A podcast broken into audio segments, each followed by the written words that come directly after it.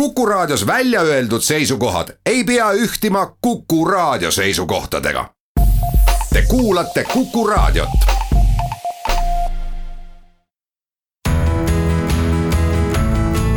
kuku Raadio nädala kommentaar. tere, olen Hardo Pajula ja kuulun neljaliikmelisse satsi, kes on siin viimastel nädalatel mõtisklenud selle üle, kuidas me peaksime suhtuma sõnapaari teaduspõhine poliitika. mulle on seni kõlanust jäänud kõrva eelkõige Smeni mõte, et eelmine okupatsioonivõim oli teaduskeskne. kõik oli teaduslikult põhjendatud, nii okupeerimine, küüditamine kui ka kirjanduskriitika. selles osas pole just väga palju muutunud. progressiivne poliitika peab iseenesestmõistetavalt olema faktipõhine ja faktid tulevad meil tänapäeval kõik teadusest. kogu muu teadmine kuulub müütide, linnalegendide ja muude muinaslugude hämarasse hulka, kus me oleksime Prantsuse teadusfilosoofi Auguste Comte'i sõnul pidanud välja kasvama juba umbes poolteistsada aastat tagasi. hiljuti oleme nii teadlasi kui poliitikuid kuulnud kurtmas faktijärgse ajastu üle. valgustamata rahva hulgad juhinduvat valedest, see tähendab teaduse poolt sanktsioneerimata tõsiasjadest tegelikult on lugu veelgi keerulisem. ka kohane kummitempel ei muuda siin asju palju paremaks, sest igal vähegi tõsiseltvõetaval huvigrupil on tänapäeval oma seisukohtade kaitsmiseks võtta mõni arvukate graafikute ja tabelitega uuring.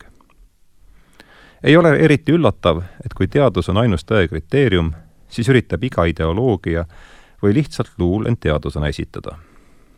nii ongi teaduse mõiste viimasel sajandil kummipaelana veninud kõige paremini ilmneb see tõsiasi eelretsenseeritavate teadusajakirjade arvu plahvatuslikus kasvus.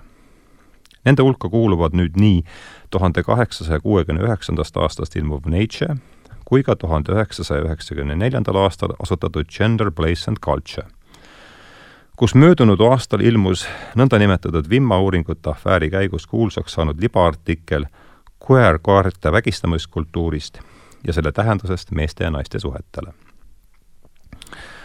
kui mingi mõiste on muutunud nii laialivalguvaks, nagu seda on teadus, siis oleks ilmselt otstarbekas püüda seda pisut piiritleda.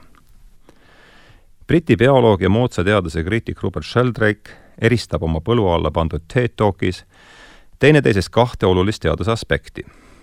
ühest küljest on tegemist mõistusel, faktilistel tõenditel ja hüpoteesidel põhineva kollektiivse uurimismeetodiga.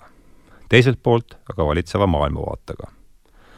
paraku on läinud nii, et teaduse maailmavaateline aspekt on hakanud pärssima vaba mõtlemist, mis on teadusliku meetodi A ja O, ütleb Sheldrake oma eelmainitud sõnavõtu alguses.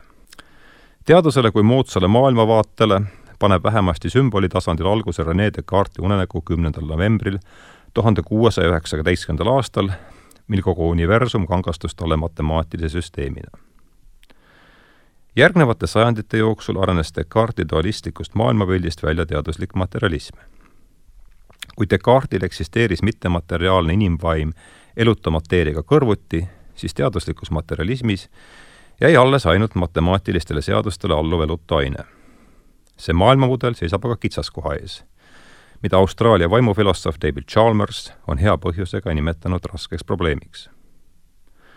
kuidas on võimalik, et teadvusetust mateerias kokku pandud geneetiliselt programmeeritud robotid tunnevad lõhnu, näevad värve, kuulevad muusikat? Probleem on tõepoolest raske, sest meie subjektiivseid kogemusi ei ole seni õnnestunud füüsikalistele protsessidele taandada. tõsiusklikud materjalistid siin probleeme ei näe, sest nende arvates on meie vaimu olemus põhimõtteliselt juba teada. vaimutegevus on ajutegevus ning see toimub meie peas. kui igale subjektiivsele kogemusele vastavat aatomi liikumist pole õnnestunud veel tuvastada, siis tuleb lihtsalt olla kannatlik teadusfilosoof Karl Popper nimetas sellist hoiakut lubadusmaterialismiks, sest see põhineb lubaduste jagamisel avastuste kohta, mida pole veel tehtud.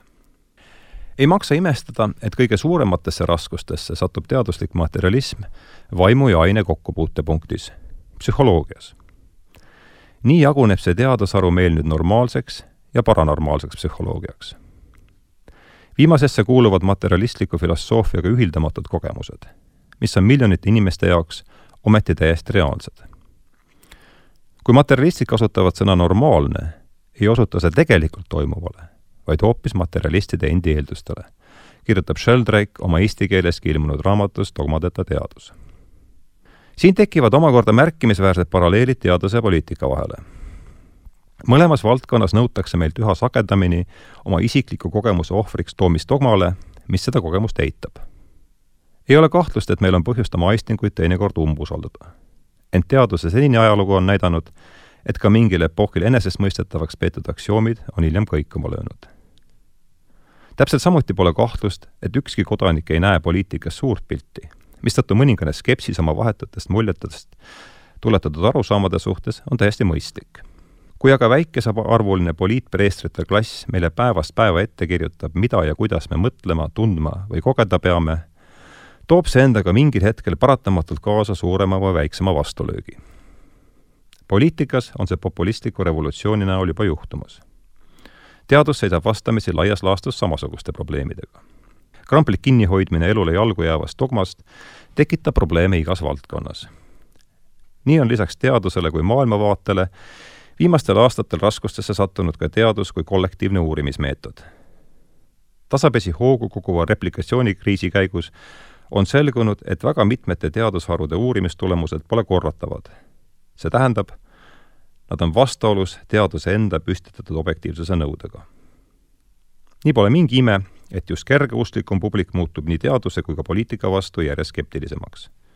rüüpab leetrite raviks reipalt antifriisi ja on veendunud, et meid valitsevad suured sisalikud. kuku raadio nädala kommentaar